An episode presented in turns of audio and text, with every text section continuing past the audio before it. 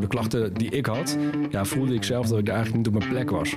Want er zaten ook jongens zonder armen en zonder benen. En dat heeft voor mij best wel wat gedaan. Dit is de AZ University podcast. Topsportbegeleider Bart Heuving en ik als host, Sven zetten het raam open en gaan over allerlei onderwerpen in gesprek met experts en ervaringsdeskundigen.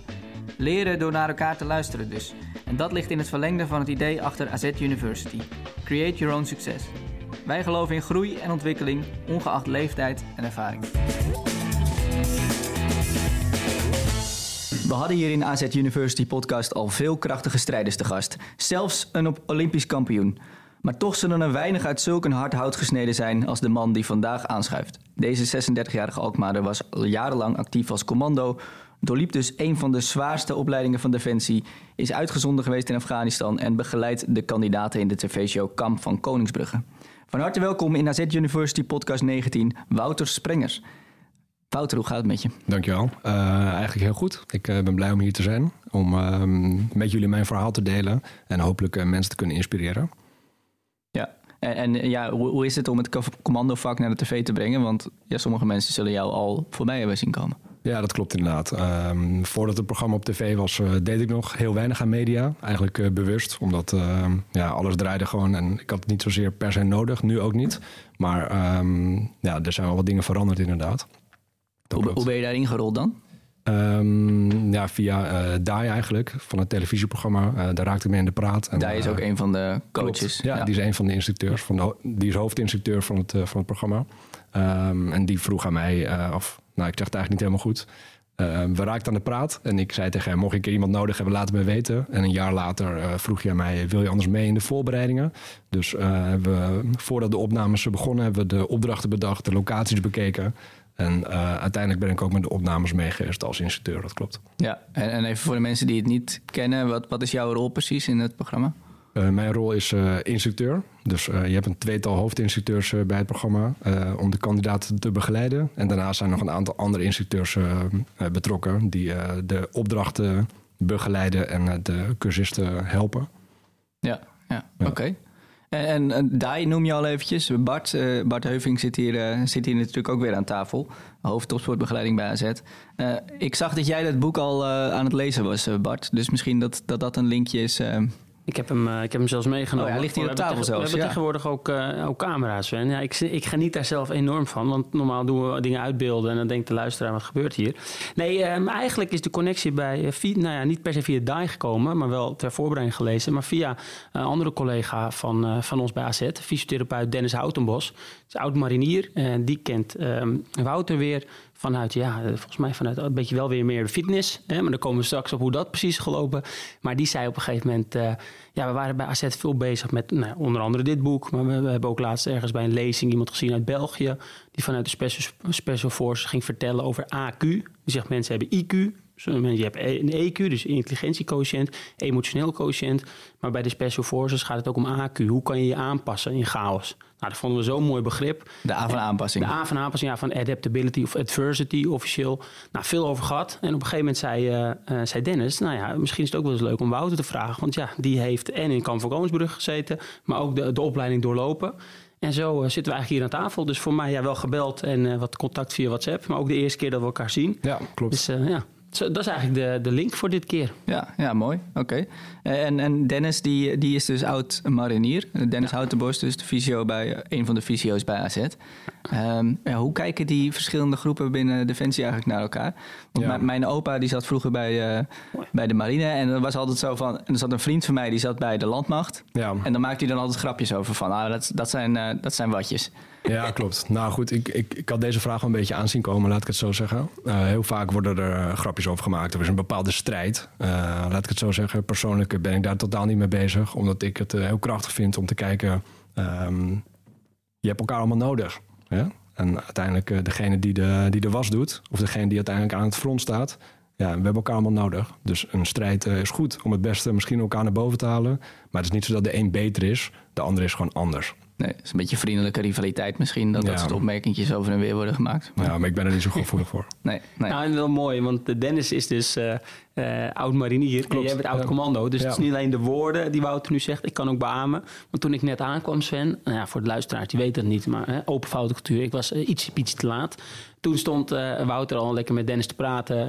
eh, over waarschijnlijk de podcast of over andere dingen. Dus het is niet alleen eh, wat hij zegt. Hè, eh, geen strijd. Maar ik heb het ook daadwerkelijk gezien. Ja, ja, had je op de commandotraining misschien niet weg mee gekomen. Ik, ja, met, die eh, heb ik, met een paar minuten te laat. zal u niks verbazen, jongens. Die heb ik nog nooit eh, doorlopen. Nee, oké. Nee, ik had eigenlijk verwacht van wel. Maar, Wie weet komt het nog. nou ja, precies. Ja. Oké, voor, voor we goed en wel eh, van start gaan, Wouter. Ja. ja, we hebben jou gevraagd om een quote mee te nemen. Die Ja. ligt hier ook op tafel. Klopt. Ehm, kun jij vertellen welke quote dat is eh, Ja. aan de luisteraars en waarom je die hebt meegenomen? Ja, de quote is nu of nooit. In het uh, Latijn uh, nunc aut. En uh, dat is voor mij in ieder geval een veelzeggende quote. Het is ook de, meteen de, de eenheid, de spreuk van, uh, van het korps commandotroepen. Um, en daar heb ik voor mezelf eigenlijk heel veel aan gehad. Uh, ik heb meerdere keren gehad tijdens mijn opleiding of tijdens een privésituatie... Uh, dat ik altijd voor een keuze stond. Hè? Of het is nu handelen, of het is eigenlijk nooit meer. Ja. Dus vandaar dat ik het een krachtige quote vind... die ik graag mee wilde brengen en aan de luisteraar ook wilde overbrengen. Ja, ja precies. En, en het zegt ook wat over de commando's dus. Omdat het ja, een soort lijfspreuk is van...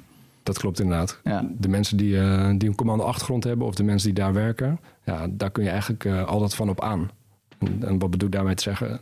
Al die mensen die daar werken, die zijn door dezelfde opleiding Mhm. gegaan. Dus de mensen uit de opleiding van 1980 hebben eigenlijk hetzelfde Ja. meegemaakt als de mensen die recentelijk een opleiding hebben gedaan. Er is natuurlijk heel veel veranderd in die periode. Het is natuurlijk vele malen geprofessionaliseerd. Er zijn andere materialen. Mhm. De inzet is natuurlijk heel anders. Maar de kernwaarden die zijn eigenlijk nog steeds hetzelfde. Ja, ja, precies. En waar komt die quote eigenlijk vandaan? Um, hebben, gaan we dan helemaal terug naar de, de ja, dan gaan we wel leuk terug. uh... Maar daar, uh, ja, daar, dat, dat weet ik niet. Oké, okay, oké. Okay. En je had, je had overigens nog een quote. Uh, normaal doen we er eentje, maar ja. Nou ja, die andere was ook erg mooi, moet ik zeggen. Dus wat sterk is uit innerlijke overtuiging faalt nooit. Dat klopt inderdaad. Um, ja. ja. ook daar is weer een link met, uh, met Defensie uh, te vinden. Zeker, zeker. Ja, je had zelf ook wat onderzoek gedaan. Uh... Nou ja, ik had inderdaad gevonden dat die quote... die staat geloof ik op de kazerne in Ermelo. Klopt inderdaad. Dus wat, wat doet die quote daar eigenlijk? Ja, nou voor mij, het was toen in 2003 dat ik die quote eigenlijk voor het eerst zag staan ergens. Op een kazerne inderdaad. Uh, ik, ik, was toen voor een paar dagen te gast daar als middelbare school... uh, als scholier. En ik zag die quote en toen dacht ik... Hey, wat sterker is dat innerlijke overtuiging faalt nooit. Dan dacht ik, hey, innerlijke overtuiging, wat is mijn innerlijke overtuiging mm -hmm. eigenlijk? En dan probeer je te koppelen naar je privésituatie. Op dat moment, ik was natuurlijk 17, ja, 16, 17 jaar. Maar um, ja, dat is me altijd wel bijgebleven. En ik probeer ook vandaag de dag nog steeds de, vanuit daar te leven. Ja, dus, dus niet alleen uh, in defensieperspectief, maar Zeker ook niet. nu Zeker met je huidige niet. leven. Ja. ja, dat klopt. Ja. Nou, wat ik ook uh, ja, mooi vind, ja Sven, ik, ik onderbreek toch maar weer gewoon even. Ik voel de vrijheid. Is, is als je het gaat hebben over voetballers, hè, zeker met wat er allemaal op ze afkomt. Hè, uiteraard is dat als commando vele malen meer. Maar hè, als het gaat over media, over druk, denk aan het laatste WK. Dan is dit wel een quote die ook heel goed kan helpen voor een topsporter. Want ja, als jij voor je gevoel er alles aan gedaan hebt om een wedstrijd te winnen. Um, en uiteindelijk haal je het niet, maar jij kan trots in de spiegel kijken. Ik heb er alles aan gedaan met mijn team, met elkaar. Ja, dan, dan is, geeft dat ook een bepaalde gemoedsrust als je bijvoorbeeld ja. verloren hebt. Want uiteraard, hè, van gaal voorop, we wilden wereldkampioen worden. Nou, je zag ook echt de emoties hè, toen we uitgeschakeld waren. Maar je ziet toch bepaalde jongens of voor de camera staan of hè, meteen alweer doorgeven.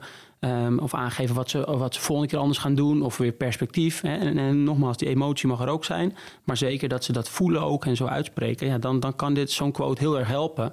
Want uh, ja, als je alleen maar afgaat op het resultaat... Hè, ja. Dan, dan, ja, dan kan je daarna heel diep zinken anders. Absoluut. Dus ik vond het een, een, mooie, een mooie quote. Niet alleen voor commando's, maar ik denk zeker voor, ja, voor meerdere mensen dat kan en nu, of nooit geldt dat misschien ook wel... Uh...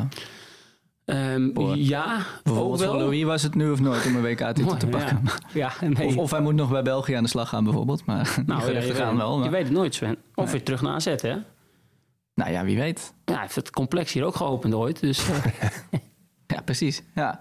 Um, ja, de commandoopleiding, we hadden het, we ja. stonden nog heel kort even bij stil. Maar um, ja, is het eigenlijk de allerzwaarste van Defensie? Kan, kan, jij dat bevestigen? Ja, dat kan ik zeker wel bevestigen. Ja? Absoluut. Wat maakt hem zo zwaar? Uh, het maakt hem voornamelijk zwaar dat eigenlijk uh, je weet niet waar je aan toe bent. Dus uh, onduidelijk wat je gaat doen. Ja. Ja, en ook als je kijkt vandaag uh, in de maatschappij, dan zijn heel veel mensen willen weten waar ze aan toe zijn. Ja, alles is natuurlijk best wel maakbaar. Ja. Maar juist in die opleiding is alles, uh, ja, je weet niet wat, wat je te wachten staat. Dus het is natuurlijk allemaal, um, ja, onvoorspelbaar, laat ik het zo zeggen. Ja, ja wa- want kun, kun je, um, um, ja, kun je misschien een korte schets geven van hoe Ja. die opleiding eruit ziet? Dat is niet, Zeker. dat is niet een opleiding van twee weken natuurlijk. Nee, zeker niet. Nee, de opleiding zelf om, eh, om commando te worden. Misschien is het goed om eventjes een stapje terug te gaan en uit te zoomen. Je hebt eh, defensie, daaronder heb je verschillende onderdelen. Landmacht, marine, luchtmacht en marechaussee. Binnen de landmacht heb je een, een specialistische eenheid, het Korps Commandotroepen. En die zijn eigenlijk direct wereldwijd inzetbaar voor speciale operaties. En eh, dat kunnen speciale verkenningen zijn, eh, offensieve acties, dus direct action, of eh, military assistance operaties, dus ondersteunende operaties. En wat je ziet, de mensen die daar werken, ja, dat, dat zijn toch wel unieke mensen. En daar heb je natuurlijk ook unieke. ehm, Maar zijn ze do- door die opleiding uniek of kom je alleen door die opleiding heen als je uniek bent? Eigenlijk beide. Ja, Eigenlijk beide. Ja. want die opleiding die doet wel iets met je, die, Die doet zeker je. iets met je. Ja, die opleiding is totaal een jaar. En je begint eigenlijk met een eh, vooropleiding van zes weken. Dus iemand meldt zich aan. Die moet eh, voldoen aan een aantal basiseisen. Fysieke eisen bijvoorbeeld. Fysieke eisen inderdaad. Eh, je hebt een, eh, een aantal dagen. De mensen die zich aanmelden, van, als ik kijk uit mijn eigen opleiding, dat zijn 150 jongens die Ja. van tevoren dus ehm, fysiek op papier de opleiding zouden kunnen halen. Alleen eh, van die 150 man ja, vallen er zoveel mensen uit. En uiteindelijk hebben we ook met 19 man hebben die opleiding gehaald. Dus ja, dat is niet heel Dat, veel. dat aan zich schept natuurlijk al een enorme band, lijkt me, met die, Zeker. met die gasten. Absoluut, dat schept zeker een band. Ja. Ja, en wat ik, het- wat ik er mooi aan vind, is dat dan heb je dus, ehm, je hebt al een bepaalde selectie nodig, hè, fysieke eisen waar je aan, aan voldoet, dus een bepaalde selectie. En dan zou je denken, nou dan heb je wel, hè, dan zal van, als je streng selecteert, zullen we wel een hoop het halen. Maar dus met die kleine groep die al door de eisen komt, nog maar zo weinig het halen, ja, dat zegt wat mij betreft wel echt- echt iets over hoe zwaar het is. Ehm, zeker als je dat bijvoorbeeld vergelijkt met andere bepaalde opleidingen. Daar is de jeugdopleiding.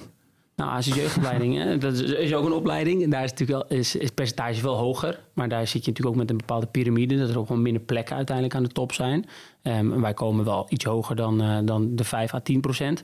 Maar als je bijvoorbeeld kijkt naar de middelbare school, naar de pilotenopleiding, naar, ja, dan, dan, is, dan is 5% of 10% niet het gemiddelde slagingspercentage. Nee. Dit is wel echt, dit, dit geeft wat mij betreft wel echt aan hoe, hoe zwaar het is.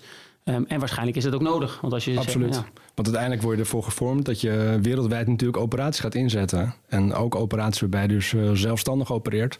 En ehm, ja, de legerleiding moet wel het vertrouwen hebben natuurlijk in de personen die je dus op missie stuurt. Dus die je voor een boodschap wegstuurt. Ja, dat het wel de juiste mensen zijn. Dat ze de juiste keuzes maken onder stresssituaties. En hoe reageer je dan? En in die hele opleiding, dus die opleiding van een jaar, word je meerdere keer aan dat soort situaties blootgesteld. En het begint eigenlijk heel basis met een vooropleiding van acht weken. Daarna ga je de elementaire commandoopleiding in. In die elementaire commandoopleiding ja, wordt echt het maximale van je gevraagd. Je hebt heel weinig slaap, eh, je hebt minder te eten, je, je weet niet waar je aan toe bent. En fysiek word je gewoon echt gesloopt, laat ik het zo zeggen. En mentaal ook, toch? Eigenlijk. Mentaal zeker. Oh, Juist Zeker. ook omdat je bijvoorbeeld weinig slaap hebt. En, eh, Slaapdeprivatie. nou, wij, wij hebben hier ook nog een keer een podcast opgenomen met eh, slaapexpert Floris Woutersson. Ja. Over het belang van slaap. Ja. Nou ja, kun je nagaan als je dus op hoog niveau moet opereren en dan ja, en er zijn slaap. tal van voorbeelden in die opleiding dat mensen gewoon eh, aan het lopen zijn en eigenlijk ook gewoon in slaap vallen tijdens het wandelen. Of, of tijdens de hele nacht dat je moet roeien in een boot in, het, eh, in de Biesbos.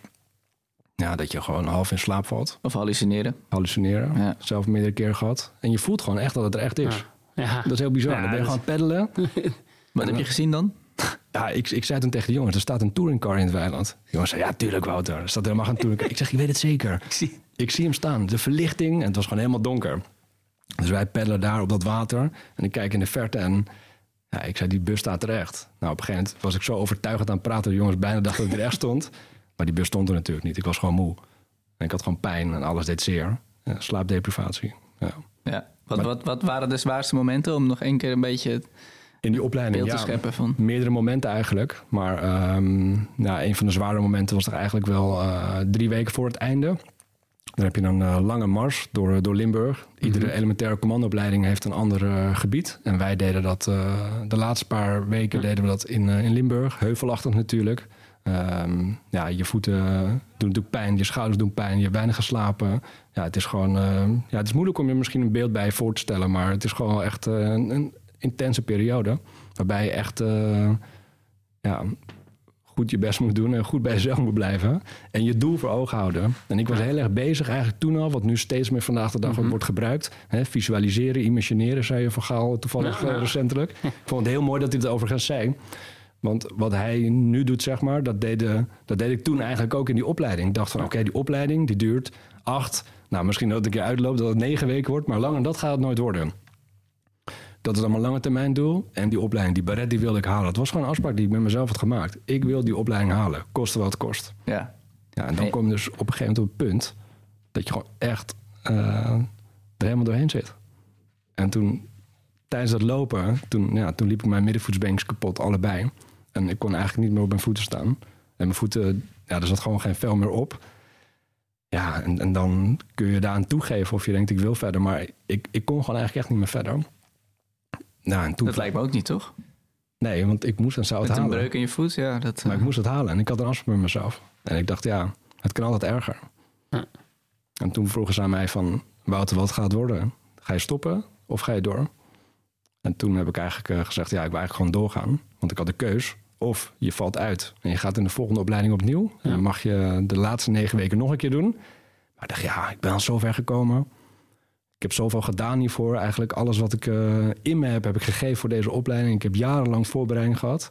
En dan ga ik nu opgeven. Hier ga ik echt spijt van krijgen. Dus ik heb gezegd, ik bijt mijn tanden, ik ga door. Toen hebben ze mijn voeten ingetaped met, eh, met witte medische tape. De, er is ook continu een arts en een eh, verpleegkundige is er aanwezig. Ehm, en die hebben er eigenlijk voor gezorgd dat iedere dag mijn voeten ingetaped werden met witte tape. En het was warm, het was zomers. Je hebt al weinig vel op je, op, je, op je voeten. Dus iedere dag moest het er ook weer af. Ja, dat was geen pretje. Want ehm, ja, dan wordt het vel weer losgehaald. Nou goed. Eh, maar goed, ik kon wel verder lopen. Dus ehm, ja, ik heb het toch nog volbracht uiteindelijk eh, op karakter. En ehm, ja, Dat is natuurlijk ook een beetje de insteek, denk ik. Hè? Zeker. Karakter tonen en... eh. Nou, en, en wat, eh, wat Wouter nu zegt, dat is wel echt geinig. Of geinig is niet helemaal het juiste woord. Maar in het boek beschrijft Dai ook dat hij zijn middenvoetsbeentje breekt. Ja. Ja. Ik vroeg later, dacht Het ik van, is dat ook bijna een soort, inderdaad is het van een soort standaard of zo? Dus ik vroeg aan Dennis, van, want die Dennis vertelde mij dit verhaal. Ik zeg, hè, maar dat Dai ook. Dus Dennis vanuit Fysio ook, leg me uit. Ja, je bent zo lang bezig. Je hebt zoveel eh, uren gemaakt, zo weinig slaap. Je herstel is eigenlijk zo laag. Dan, dan, ja. dan ontstaan er blessures. Ja. En dit scheen wel een blessure te zijn die vaker voorkomt. En nou, zowel Als Wouter maken het dus af. Toen ik las in het boek en nu ook het verhaal hoor, moest ik heel erg denken aan hoe natuurlijk topsporters ook getraind worden. Mensen denken vaak, het clichébeeld helaas over voetballers bestaat. Ehm, ja, als die een tikje krijgen, gaan ze rollen, gaan ze huilen. Maar je wil, eh, dat gebeurt uiteraard. Hè. Bijvoorbeeld niet na de Braziliaanse aanvaller had daar eh, vaak last van. Alleen, er zijn heel veel voetballers die met een gebroken teen of met een andere blessure doorspelen. En een gebroken rib heb ik wel eens gehoord, gebroken neus. Mascherano. Maar, ja, ik noem maar even niet wat het mooi, was, maar- Heel mooi woord. Die had een gescheurde anders. mooi Sven. Heel mooi voorbeeld. Jammer dat het tegen Nederland was. Hè? Net, eh, net als laatst weer. Alleen, ehm, die beelden komen vaak niet naar buiten. Nee. En dat is jammer, want wat komt naar buiten als iemand een zwalbe maakt of andere? En, en, maar om een speler daarop te trainen, hoe ga je om met pijn? Niet ten koste van alles. Kijk, als je echt anders geblesseerd raakt, dan, eh, is natuurlijk, er is een stopmoment. Maar heel veel spelers hebben ook dit soort ervaringen. Hoe kan je dat dan even opzij zetten? En Sven, ja, hij is al een tijdje niet meer te sprake gekomen. Dus bij deze, Kobe Bryant, die scheurt op een gegeven moment zijn Achillespees af in een actie. Nou, dat schijnt, ik heb het nog nooit gehad, maar dat schijnt behoorlijk pijnlijk te zijn. Ehm, maar die neemt nog wel even twee vrije worpen. En gaat daarna hinkt hij het veld af. En later is naar buiten gekomen. Ja, op dat moment, voordat hij vrij worp nam, scheurde hij gewoon zijn Achillespees af. Dus dan zie je wel, als je kijkt naar sport en commando's, het is, eh, het is anders, de opleidingen, uiteindelijk wat je moet doen is anders. Maar er zitten wel wat raakvlakken, juist tussen dat stukje dat het alle twee fysiek is. En dat je alle twee je mentale kracht moet inzetten om fysiek op bepaalde momenten door te gaan. Nogmaals, niet ten koste van alles. Maar als jij waarschijnlijk bedacht hebt, Wouter, ja, wacht, als ik hem weer zoveel weken opnieuw moet doen, ja, dan kies ik er nu voor om die pijn even te verbijten, hoe zwaar het ook is, in plaats van dat ik straks en de pijn heb van het niet halen en die pijn van de andere weken weer opnieuw. Ja, dat soort dingen delen, wat we nu in de podcast doen, maar in, in het boek ook mooi staat, ja, dat vind ik fantastisch. Ja. Ja, en het was ook niet zozeer alleen ehm, dat ik het weer op, opnieuw moest doen. Maar het had er ook mee te maken dat de, de club met wie ik daar was... De, dus de jongens die nog Ja. overgebleven waren... dat creëert zo'n band. Omdat je zo diep gaat natuurlijk. En eh, als je met elkaar dingen meemaakt... Ja, dan creëer je een band. Ja, en dat is natuurlijk in, in voetbal zou dat natuurlijk ook kunnen gebeuren. Nou, nee, ik, ja, je hebt hechte teams zeker. en minder hechte teams. Ja. En een hecht team Ja. heeft misschien wel een keer wat meegemaakt met elkaar of zo. Ja, nee, ik denk dat er best wel veel eh, koppelingen zijn tussen sport en commando's. En als je het bijvoorbeeld over de opleiding hebt, hè Sven, want je zei net natuurlijk even over AZ, maar even wat breder een jeugdopleiding. Als je ziet, ehm, eh, uiteindelijk in een commandoopleiding is het educatie en integratie. Zo uh, heeft Dai dat onder andere in het boek genoemd. En dan denk ik, ja, dat is eigenlijk wat wij ook doen. Wij, wij leggen hè, educatie over visualiseren uit. En integratie, nou jongens, voor een wedstrijd of na een wedstrijd... of voor een training of tijdens een training... nou, zet nu visualiseren in om te kijken of het voor jou helpt. Ja. En als ik dan ga kijken van hoe... Uh, wat ik hoor en lees over de commandoopleiding, dan denk ik, nou, er zijn best wel wat dingen die we van elkaar kunnen leren. Zeker, zeker. En vandaag de dag is er ook steeds meer vraag. En daarvoor is het goed dat die televisieprogramma's nu, uh, want er zijn natuurlijk meerdere formats zijn natuurlijk die, uh, die uitgezonden worden. Het is wel goed om gewoon een keer een stukje beeld te schetsen van wat doen die mensen nou eigenlijk en wie zijn dat eigenlijk. Maar voornamelijk, wat kunnen we ervan leren? En het is natuurlijk heel makkelijk om op de bank te zitten met een kleedje en een theetje en een reepje chocola. En dan te kijken hoe iemand aan het afzien is. Dat is natuurlijk ook een psychologisch. Hè? Dat vinden mensen natuurlijk interessant. Ja, ja. Dat je zelf dan niks voelt, maar iemand anders wel. Zo werkt het gewoon. Maar um, we kunnen ook eens nadenken over van wat kan ik eruit halen voor mezelf. En ben je dan echt wel moe als je een paar uurtjes hebt geslapen. En daarom vind je het goed dat zo'n programma wordt uitgezonden. Zeker. En dat is ook voor mij eigenlijk wel een motivatie geweest om mee te doen. Ja. En misschien dat je alle, alle talentvolle jonge sporters kunt aanraden om ook even te kijken. Nou, eigenlijk wel. Ja, eigenlijk wel. Om te kijken. Ja, ik denk dat ze daar zeker wat uit kunnen halen. Ja. Absoluut. Ja. En hier, hier op het Avonds Trainingscomplex dromen heel veel jonge, jonge gasten van een toekomst als uh, profvoetballer natuurlijk. Ja. Um, maar jij had eigenlijk al heel jong, en je zegt ook van die jarenlange voorbereiding op die commandotraining. Ja. Jij had al heel jong, geloof ik, voor ogen wat je wilde gaan doen, hè? Klopt inderdaad. Ja, toen ik eigenlijk op de basisschool was, toen, uh, toen riep ik al, ik word commando. En als je, ik geloof ook wel in als je dat heel vaak zegt. En uh, dan ga je er ook zelf in geloven. Dus dat is ook weer een stukje visualisatie. En dan komt natuurlijk het stukje van waarom wil je dat dan? Ja. Uh, nou, dat heeft diverse redenen. Uh, in mijn familie zijn wat mensen die, die zijn militair geweest. Dus vandaar ook altijd was er wel een fascinatie voor, voor defensie. Um, niemand was overigens commando. En ik dacht, nou goed, als je op de basisschool zit, denk, denk je zo en denk je, nou, nou ja. dan word ik commando. Dan ben ik in ieder geval daar het beste in. En ja, en op dat moment uh, nou, lagen mijn talenten niet op school. En uh, je hebt natuurlijk mensen die hebben talent. En je hebt mensen die moeten wat harder voor werken. En ik moest wat harder voor werken. Ik heb gewoon gekeken, wat heb ik minimaal nodig om commando te worden? Dat was toen minimaal MAVO en dat was genoeg. Dus ik dacht, nou, als ik dat in ieder geval haal... dan is het genoeg om, uh, om daar naartoe te gaan. Ja. Um, en zo heb ik eigenlijk al gedacht, dat gaat gewoon mijn pad worden. Ja, precies. Ja, want inderdaad, volgens mij hier een quoteje van Dennis... Hè? Van kleins af aan al in de duinen militair aan het spelen was. Uh, ook dat, dat inderdaad. Klopt. Ja, klopt ja. inderdaad. Oorlogje ja. spelen. Dat, uh... Ja, oorlogje spelen. Ja, kijk, dat is als je kind bent. Hè, dan, mm -hmm. dan heb je natuurlijk helemaal niet het idee van wat, wat ben je eigenlijk aan het doen. Dan is het meer een beetje ja, de, de, de stoere jongen, zeg maar.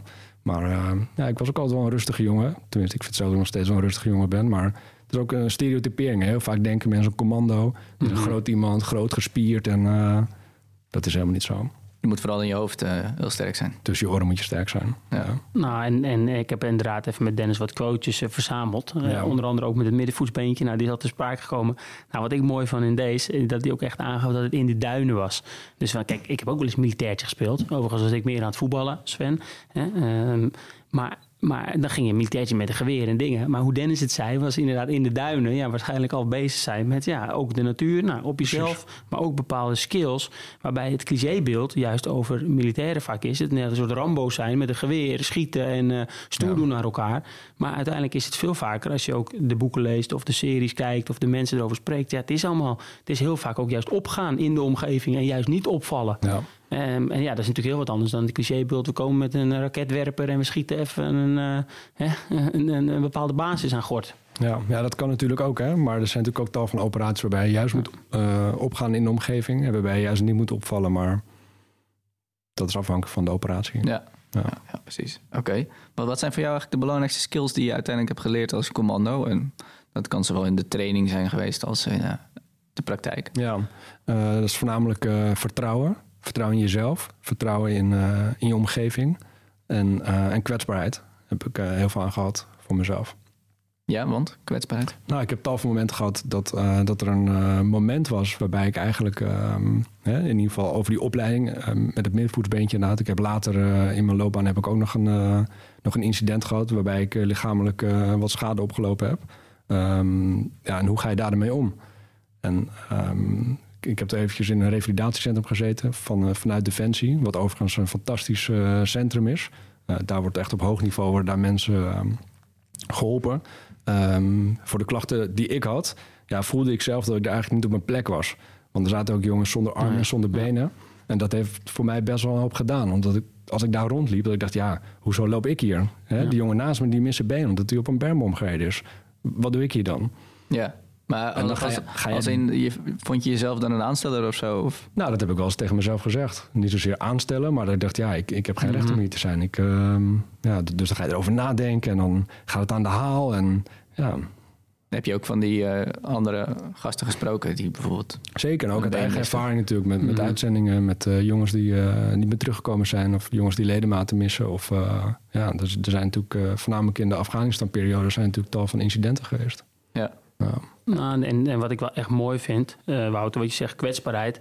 ehm, dat is ook iets wat je tegenwoordig steeds meer in de sport ziet. Waar vroeger dachten, hè, je, als sporter, dan, dan, dan, zeker als topsporter, dan sta je bovenaan. Dan moet je je vooral niet kwetsbaar tonen, niet hulp vragen, niet eerlijk zijn. Want je staat aan de top en anders kan het tegen je gebruikt worden. Ja. Nou, zie je nu ook steeds meer ehm, dat sportpsychologie. Nou, toen ik aan het afstuderen was, ongeveer tien jaar terug, was echt nog wel sportpsychologie. Nou, dat ging je als sporter misschien wel zeggen, maar dan, hè, dan, dan vooral eh, niet groot te maken. Nou, nu eh, rondom het WK geeft en Denzel Dumfries bijvoorbeeld ook toe dat hij al heel veel preventief deed. Hè. Dat vind ik het belangrijkste, dat hij met een sportpsycholoog werkte. Maar dat hij ook even kwetsbaar was. En dan zei ik, ik heb het even zwaar gehad. Nou, ik heb even contact gehad.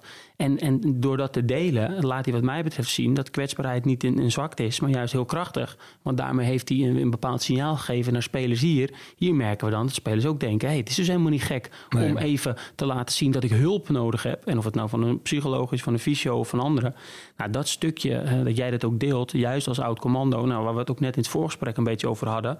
Ja, dat is, dat is heel belangrijk. Want, want, want eh, iedereen heeft op een gegeven moment hulp nodig. Of van familie, of van vrienden, van een psycholoog, van anderen. Maar als jij denkt, nee, ik moet dit zelf doen. Ik mag Ja. niet, ik kan niet laten zien dat ik zwak ben. En nee, kwetsbaarheid is misschien juist een kracht. Ja. Dus ja, heel mooi, eh, heel mooi dat je dat aanhaalt. Absoluut. En uiteindelijk eh, wordt ook wel gezegd, hè, mensen zijn niet te breken of commando's die... Iedereen is te breken, zeker. En dat is ook in de sport zo. Ja. Je kan nog zo fit zijn, maar als ik je 500 burpees laat maken en je bent nog niet moe, dan maken we er duizend. Dus uiteindelijk Ja. word je vanzelf een keer moe. Alleen ja, wat gebeurt er dan met je? En dat zie je in het programma, zie je dat heel mooi. Dit is natuurlijk een aantal dagen en dit, dit- Ja. het programma geeft een afspiegeling van, eh, van de commandoopleiding. Maar als je ziet wat blijft er van iemand over als, als je bepaalde facetten wegneemt. Dus waar is iemand aan toe? Eh, wanneer die mag slapen, wat de opdracht is. Ja, wat blijft er dan van je over? Ja. En, en, en dat is eh, heel mooi. En je kunt het mooi. altijd weer naar een volgend niveau brengen. Zeker, vanuit daar moet je meteen gaan bouwen. Dus Ja, ook altijd kritisch zijn op jezelf. Dus wat jij ook zei over het WK. We hebben verloren, oké. Hoe kan ik het beter doen? Ik heb Ja. zelf ook. Als, ik, als, ik, als, er- als er dingen tegen zitten, denk ik, oké. hoe kan ik het nog beter maken? Nou, en, da- en dat eh, eh, staat er nog niet eens hierop, Sven, maar zit ik nu te bedenken. Wat mij ooit eh, triggerde aan, aan het hele idee, of het nou commando is, of het nou marine of Navy SEALs of Special Forces. Maar het idee, je bent aan het opleiden, maar je bent constant jezelf aan het verbeteren. Want uiteindelijk ga je op missie en wordt het heel gevaarlijk. Dus, dus jezelf verbeteren heeft ook een hoger doel, namelijk jezelf beschermen. Dus dat zit helemaal in die wereld. Ehm, en ook in het systeem, bijvoorbeeld met debriefen. Daar hebben jullie uiteraard andere termen voor, maar Nee, Dus- hetzelfde. ja, oké. D- d- d- Dat is natuurlijk, daar ga je dus ook. Er is iets gebeurd. En wat ga je doen om daarvan te leren? Want je kan het niet meer veranderen, maar je kan wel leren. Dat is in, in, in, bij commando's gewoon normaal. Terwijl eh, eh, als je naar het gewone leven kijkt, ga je wel vaak voorbereiden, je gaat iets doen. Maar debriefen, ja, als het succes is, nou, we hebben toch succes. Ja. En als je verloren hebt, ja, jongens, volgende keer beter. Niet te lang bij stilstaan, gewoon doorgaan. Ja. Nee, ook dat is kwetsbaar. Gewoon eerlijk durven kijken, wat is er gebeurd? Wat kunnen we hiervan leren? Wat gaan we anders doen? Nou, dat debriefen is gewoon heel normaal in, eh, zeg maar, hè, wat ik hoor en lees bij commando's. Dat ik denk, ja, dat is nou net dat stukje waar de sport wat van kan leren. Hè, en niet alleen bijvoorbeeld na een wedstrijd, maar ook als er op training iets gebeurt of een andere. Dat je even daarbij stilstaat en gaat kijken, reflecteren van, hé, hey, wat is er gebeurd? Wat kan volgende keer anders? En, en dat moet je wel open voor staan Ja. om te verbeteren. Ja, en wat daaraan ook nog heel belangrijk is, inderdaad, ik, ik sluit me helemaal aan, helemaal aan eh, bij wat je zegt, eh, Bart, is, is het, ehm, eh, het accepteren van, van feedback. Ja. want we kunnen wel gaan evalueren, maar ook het durven aanspreken van iemand anders. Dat is wat voor mij heel normaal is. Iemand die met mij werkt, die weet dat ik ervan uitga dat als ik iets niet goed doe, dat diegene me aanspreekt. Als diegene niks tegen mij zegt, ga ik vanuit dat het goed is. Ja. Dus je kunt ook nooit bij mij zeggen, ja, een paar maanden geleden zei dit en zei dat. En hetzelfde ook in mijn onderneming. Ja. Werk ik nooit met begeleidingsgesprekken en confrontatiegesprekken. Nee, er is gewoon een cultuur. Als Ja. iets is, dan zeg je dat op dat moment. En als op dat moment, als we bezig zijn, dan zeg je daarna. Maar nooit eh, achteraf. Ik vind het echt achterhaald. En ik zie ook nog regelmatig dat bedrijven werken. Goed, dat is mijn persoonlijke mening. Die werken met allerlei standaard procedures met gesprekken en eh, dossiervorming. Het kost A heel veel tijd. Iemand weet niet meteen waar hij aan toe is. En je beperkt de productiviteit. Ja, dus eigenlijk die, dit, dit is het iets wat je bij de commando's hebt geleerd? Of? Ja, eigenlijk wel. Ja, Ja, en dat, dat zou eigenlijk veel breder in de samenleving moeten worden toegepast. In bedrijven en eh, Ja, ik denk dat veel mensen daar eh, baat bij hebben, zullen hebben. Zeker. Ja. Ja. Ja, precies. Oké. En eh, ik moet ook denken aan... eh, het is misschien net even een ander onderwerp... maar Daphne Koster die zit, die zit ook in, eh, in Kamp van Koningsbrugge. Ja. Een Oud-AZ-speelster natuurlijk. Oud Ja. Oranje International ook. Ehm, en zij heeft op een zeker moment zo'n moment... dat ze, dat ze heel autoritair gaat doen naar andere deelnemers. Ehm, Ja. Dus wat dat betreft is misschien eerst vertrouwen opbouwen... voordat je iets eerlijk zegt tegen een ander... van wat je ervan vindt. ja. Misschien ook wel belangrijk, toch? Nou, in ieder geval, ik, ik denk dat ik, ik weet waar je op doelt, op, op welk gedeelte. Ehm, zij had inderdaad op dat moment een keuze gemaakt om wat directiever te gaan leiding geven. En eh, dat is op dat moment eh, voor haar de beste keuze geweest. En ja, wat goed of fout is, dat is niet aan mij. Maar ehm, nou, ik kan me wel inbeelden dat de mensen die daar natuurlijk eh, deelnemer van zijn... en ondergeschikt waren aan haar als, als commandant... eh, dat die misschien wel dacht, hé, hey, wat gebeurt hier? Maar uiteindelijk hoop ik in ieder geval dat voor haar dat ze het terug heeft gezien en kunnen denken van nou, misschien zou ik het een andere keer anders doen. Maar op dat moment maakt zij de keuze. En ja, dat, dat is eh, haar besluit. Ja. Ja, ja, ja precies. En het kan natuurlijk ook wel zo zijn dat je natuurlijk in bepaalde situaties komt, ook in uitzendgebieden, dat de druk en de stress zo hoog is dat direct leiding geven gewoon heel belangrijk is. Dus zoals zij dat daar aangelopen heeft, ja, dat kan natuurlijk in de praktijk ook voorkomen. Maar daarna moet je wel weer terugschakelen. En we luisteren naar elkaar, gelijkwaardigheid. Ja. Ja, Nou, en, en daar weer de link met voetbal. Eh, uiteindelijk bepaalt een aanvoerder of een trainercoach ook dingen in het moment. Als de wedstrijd loopt, eh, verwacht je van andere spelers ook niet dat ze dan even gaan discussiëren in het veld. Nee, dan is het iemand maakt de keuze bijvoorbeeld om hoog druk te zetten. Nou, dan eh, met z'n allen, want anders breekt het team, om even voetbaltaal te gebruiken.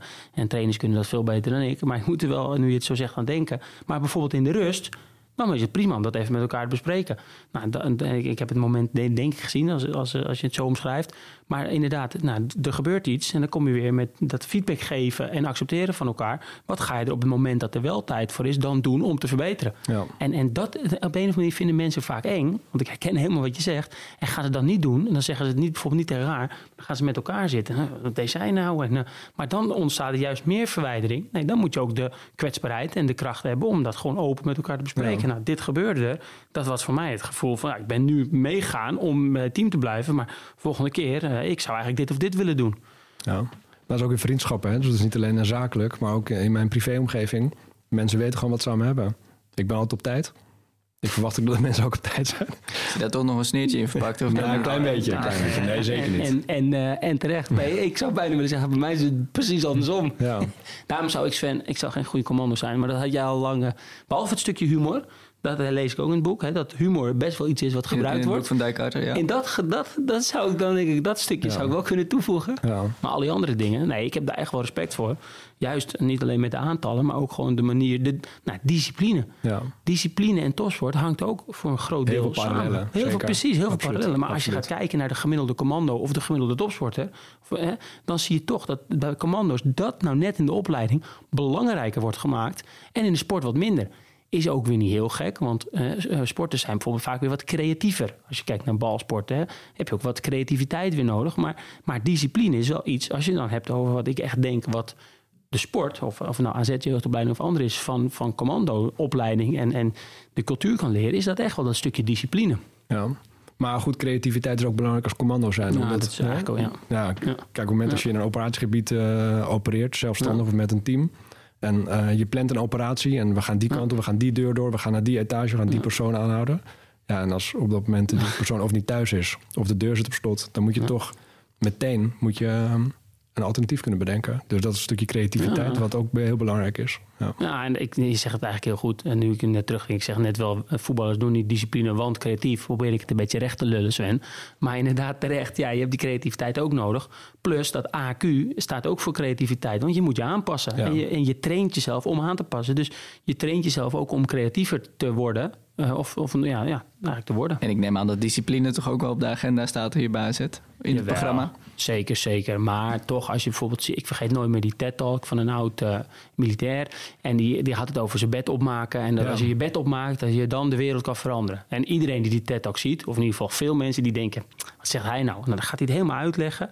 En dan heet het eigenlijk, want het gaat niet om je bed opmaken. Het gaat om discipline. En als je elke dag je discipline traint van je bed opmaken, kan je dat ook meenemen, die discipline in je werk, in je relaties met anderen. In, nou, die TED-talk, we gaan hem even in de show notes gooien. Ja, die is heel mooi. Ja, die is echt, die, hij legt dat heel mooi uit. En dan, Sven, kan ik wel denken, nou, binnenkort gaan we weer op trainingskamp. De gemiddelde voetballer, hè, als je een gemiddelde bed eh, van een voetballer zou filmen en van een commando, nou, dan denk ik wel dat je een klein verschilletje ziet. Nou, ook in de opleiding. eh, in de laatste acht weken dan van de commandoopleiding slaap je eh, op een beetje in een tentenkamp. En daar heb je ook een wolletje, zo heet het. Voor de mensen die de opleiding hebben gedaan, die weten wat ik daarmee bedoel. Dan is het een paardendeken en die moet op een bepaalde manier gevouwen worden. En die moet dus ook precies zo liggen op het bed. En eh, ja, dus dan begint het ook met je bed opmaken. Ja. Ja, dat, dat straalt natuurlijk ook een stukje uit. En inderdaad, als mensen alleen horen... een succesvol leven begint bij je bed opmaken... denk je, hoezo? Hè, dat is natuurlijk niet per definitie. Maar als je het filmpje ziet en de context erachter... Ja. heel inspirerend. Ja. Generaal McRaven is dat. Maar ik- ja, Ja. Want Ja, waarom, waarom moet dat wolletje precies eh, goed liggen eigenlijk? Nou, als jij dat bed niet goed op kunt maken... hoe kun je dan uiteindelijk je wapen goed bedienen? Ja. Ja, precies. Mooi. Nou, en als je dat koppelt, hè, wij staan in de podcast ook voor de, de, de praktijk en de wetenschap verbinden, dan, dan is dit weer eigenlijk in de wetenschap heel erg bewezen dat als je geen discipline hebt in kleine dingen, bijvoorbeeld het marshmallow-experiment, dat je zegt tegen een kind, nou, dit is de marshmallow, ik ga nu even weg. En als je, als je straks niet, als je niet, niet aangezeten hebt, niet gegeten hebt, dan krijg je er nog één bij. Nou, dan kijken ze dus of je als kind gedisciplineerd bent om, eigenlijk zelfregulatie, om, om die marshmallow niet te eten. Ja. Nou, en dan hebben ze onderzoek gedaan, Sven, dat kinderen die wel, als degene weg is, meteen die marshmallow opeet, die hebben ze dan jaren later weer, eh, die, die kinderen geïnterviewd en de kinderen die wel de marshmallow lieten liggen. En dan zie je gewoon dat zelfs dus die kleine mate van discipline invloed had op, waarschijnlijk omdat ze die discipline dan ofwel vaker wel of vaker niet inzetten, te maken had met hoe gezond ze waren, hoe succesvol in eh, educatie, in andere dingen.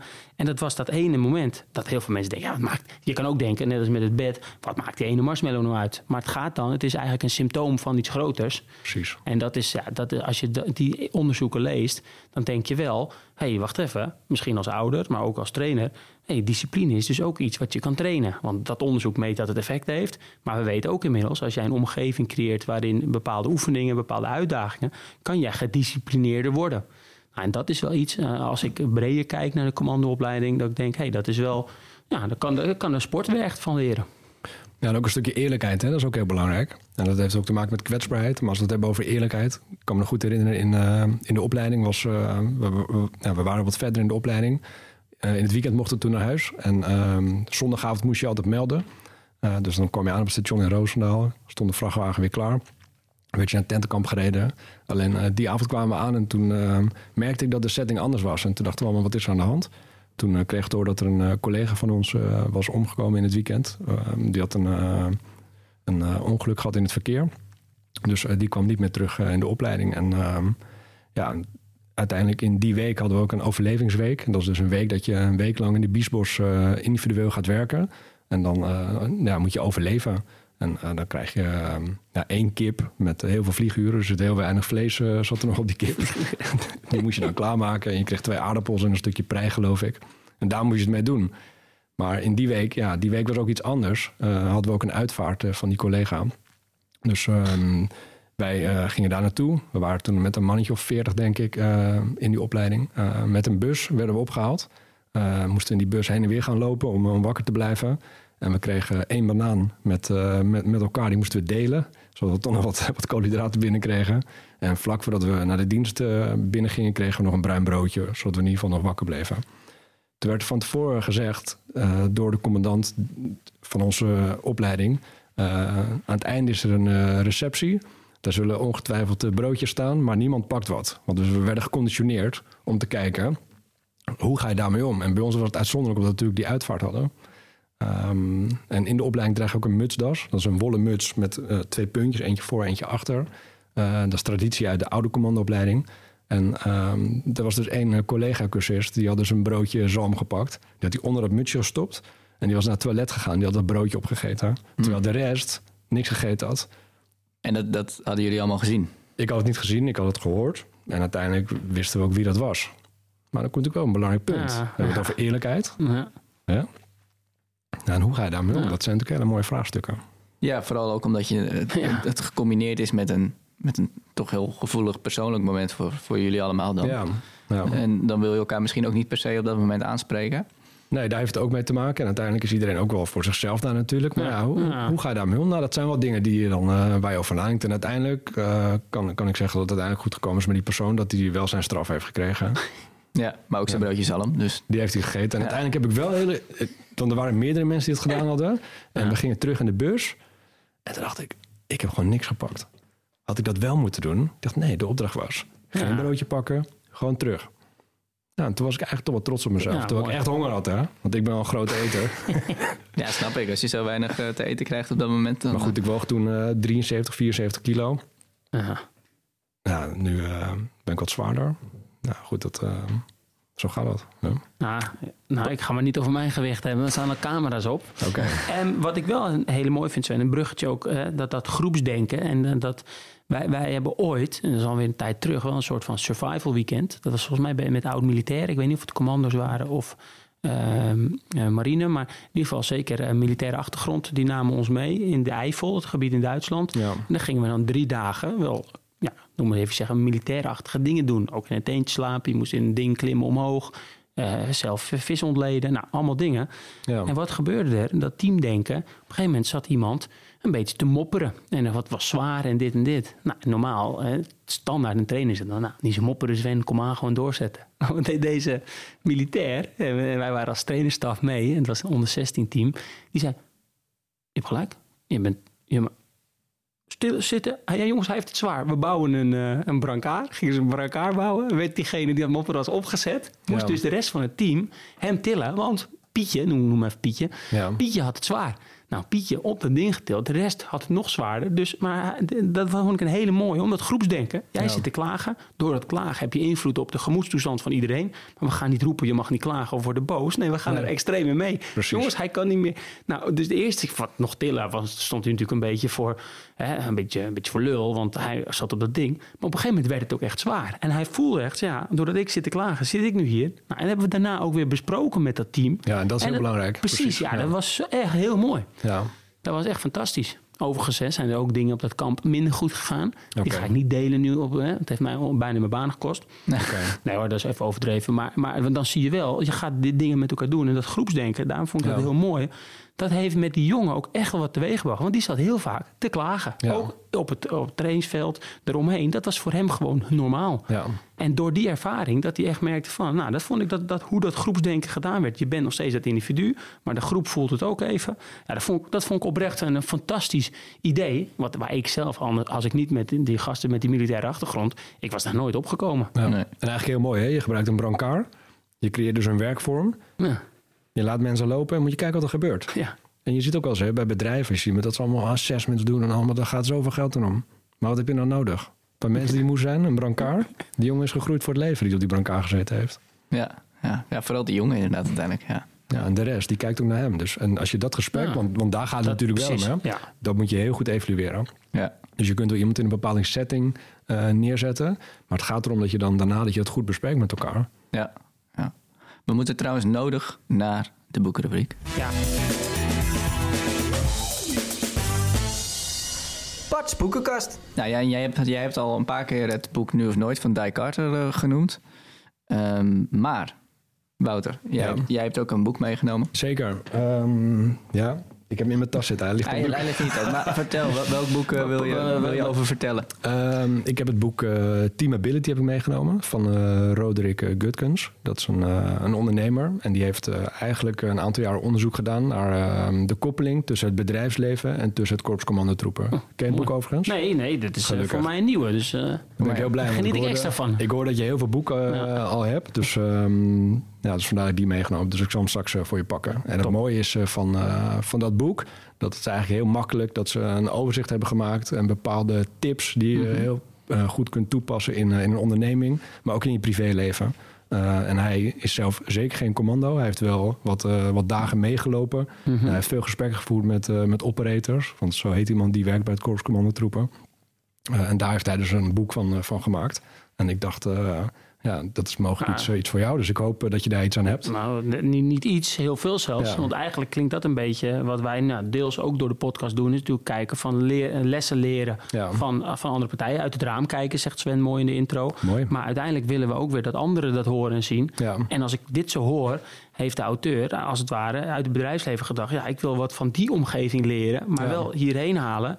En niet ervoor, oh, wat gebeurt daar? Van, ah, dat, dat is niks voor ons. Nee, juist kijken, hoe kan je die werelden verbinden? Ja. Nee, de- heel mooi. Thanks. Ja, dus ik zal hem zo voor je pakken. Ja. Top Sven. Ja, er ontstaat nu toch ook iets. Want vroeger dachten we, degene neemt het boek mee om te laten zien. Maar tegenwoordig, hè? Tegenwoordig krijg je ze ook echt. ja, ik, Ja. Ik, ik waardeer ik, maar ik voel me ook een klein beetje opgelaten. Nou, ik moest er ook wel even over nadenken. Want ik hoorde van Dennis, ja, hij leest heel veel. Hij leest ieder boek over performance. En ik dacht, wow. Dus ik had eh, in mijn boekenkast zitten kijken. Toen dacht ik, oh, ik bestel dit boek wel voor hem. Ik weet zeker dat hij deze... Nee, deze heb ik... Ja, nee, ik is- pakken. Maar Dennis zei er niet bij dat de vriendin van Bart nog wel eens... eh, ja, die is niet blij met al die boeken die, eh, die het huis inkomen. Oké. Nee. Nee, zelfs... eh, maar goed, eh, eh, inmiddels... Kijk, daarom ben ik dan weer blij als ik cadeau krijg. Als ik ze niet koop. Dan kun je Dus zeggen, ja, nee, ik heb ze niet gekocht. Met frisse ik tegenzin, met frisse tegenzin in ontvangst genomen. Het is, wel, het is wel vrij opzichtig dat wij deze rubriek in het leven hebben geroepen. Maar, Ja. dus ja, vind ik ben niet hele helemaal onschuldig, maar goed. Ja. Ja. Oké, nou ja, we hebben het volgens mij al kort benoemd, maar je bent ook personal trainer. eigenaar eigenlijk bij Body Workout in Ja. Alkmaar. Eint ja, dat klinkt nog als een omslag van je tijd als commando. Klopt, toch een, inderdaad. toch een heel ander eh, leven heb je dan nu, denk ik.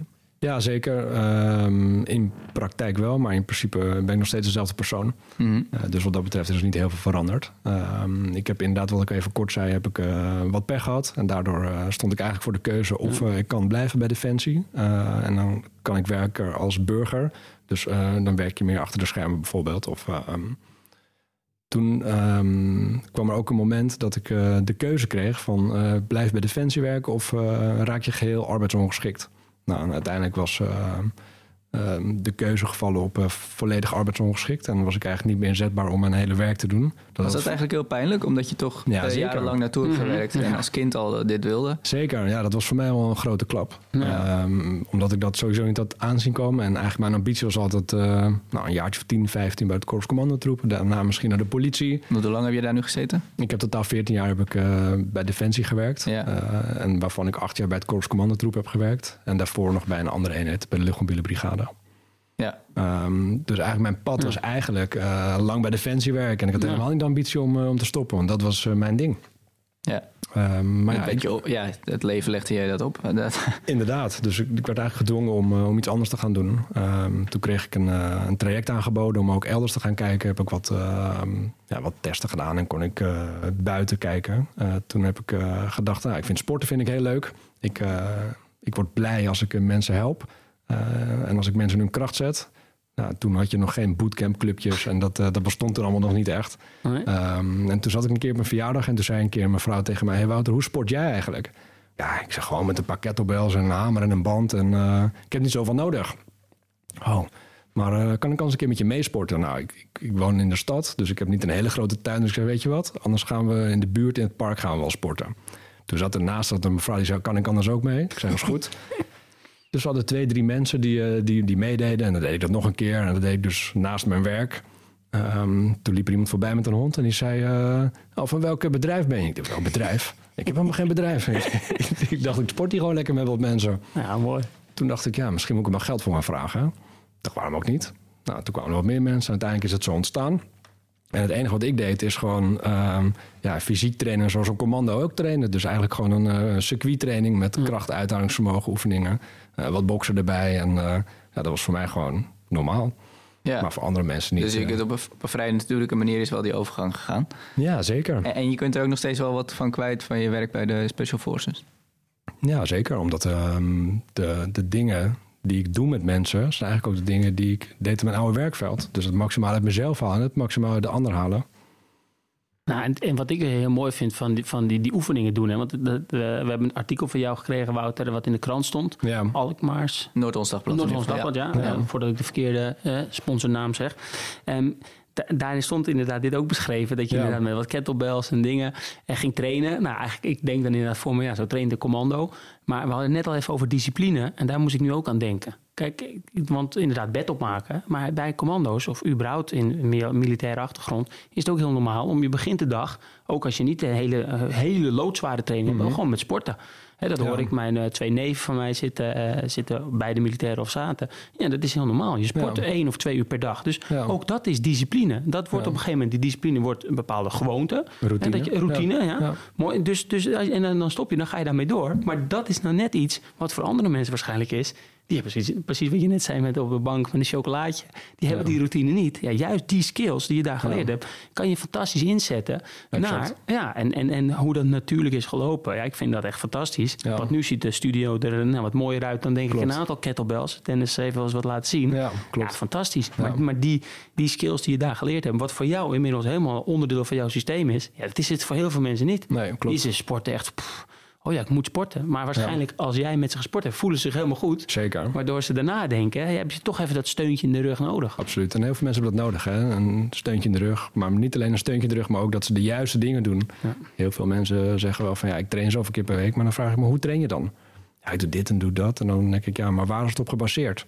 Ja, Ja, dus En heel veel zonder, mensen- zonder goede reden hebben ze een bepaalde aanpak gekozen. Ja. Van, maar misschien wel meer op de gok dan... eh, ja of mensen in die filmpje. Of ik heb gehoord van een buurman en een tante daar, een zus van. Dit moet je doen om sterk te worden. Ja, zo werkt het gewoon niet. Je moet Nee. wel de juiste dingen doen. Want ieder lichaam is gewoon anders. En Ja. wat is je doel? Dat is ook belangrijk.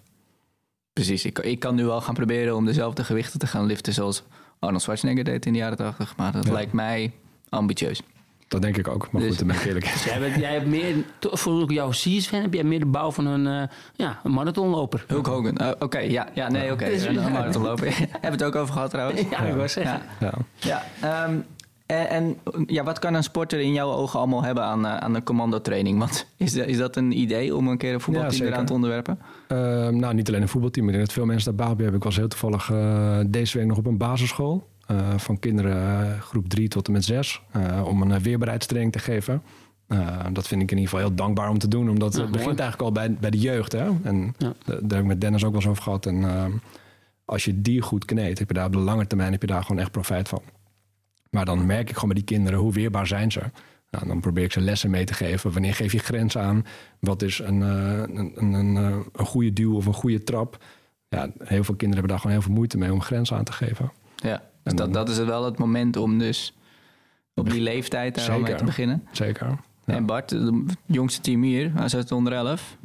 Is het misschien tijd om ze een, eh, een dagje aan, eh, Ja, mooi. aan de Mooi. kwaliteiten van Nou, Wouter te onderwerpen? Nou, eh, ja, nee. Eh, nee, niet een dagje. Ja, structureel. Kijk, wij doen al met het Tosford ontwikkelingsprogramma heel veel aan educatie. Maar dat stukje integratie, en wat ik net al zei, wat ik echt mooi vind om te lezen over de commando's.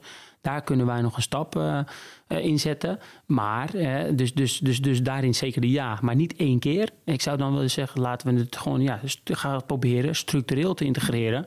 Juist met van die dingen waar we het net al over hadden met het teamdenken. Maar ook inderdaad weerbaarheidstrainingen. Ja, wij, wij, wij doen het al voor een deel. Maar wij kunnen de kennis uit de commandoopleiding ja, zeker gebruiken. Ja. En wat ik daar heel mooi aan vind, is dat, dat, dat snel ouders, maar ook misschien andere mensen denken van, nou, maar dat is toch niet normaal. En Ja. die trainen dit en dit. Ja, ze leren ook schieten, maar dat is maar één van de skills. Ja. Als je leest wat je allemaal leert over wat jij nu zegt, Wouter, grenzen aangeven.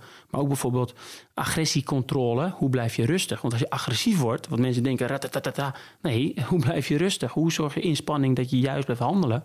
Dat zit overigens ook echt in vechtsporten. Dus goede, heel veel goede voetballers hebben ook vechtsporten gedaan, waar ze dat stukje hebben geleerd. Hoe zorg je voor eigenlijk een kalme geest? Ja. Juist wanneer het heel gevaarlijk wordt in een ring of hè, in het geval bij commando's. Nou, die, die, die dingen integreren. Maar dus niet één keer bij de onder 12. Want dan krijg je het snel iets van even leuk en klaar. Ja. Maar gaan kijken hoe we dat eh, structureel in het programma doen. Nou, dat is iets wat ik al echt al veel met Dennis bespreek. En vanuit die gesprekken met Dennis zei Dennis ook een keer: hé, hey, maar waarom vraag je dan niet een keer Wouter ook in de podcast? Want ik heb het juist weer veel met hè, Dennis, dus met Wouter hierover. Ja, en, eh, en nu zitten we hier. Ja, Ja, inderdaad. En ehm, ik verzorg samen met een aantal oud-collega's van mij... verzorgen we bedrijfstrainingen door het hele, hele land. En dan bieden we eigenlijk weerbaarheidstraining aan. Dat kan zijn een dag of meerdere dagen. Zijn dat dan ou- oud-collega's van, van bij Defensie? Of? Ja, zeker. Dus het zijn een aantal jongens eh, die ik, eh, die ik dan inhuur. En onder mijn naam gaan we dan ehm, mensen begeleiden. Maar een leuke dag organiseren kan iedereen, zeg ik wel eens. Hè, je ziet heel veel bedrijven gaan een dagje barbecue en lasergamen. En dat is ook goed, hè? begrijp me niet verkeerd. Maar als je echt die next level wil maken, als je echt groei wil doormaken... en de beste versie van jezelf en de beste versie van je onderneming of afdeling wil maken... dan moet je echt wel wat anders doen dan lasergamen en barbecue. Hoor.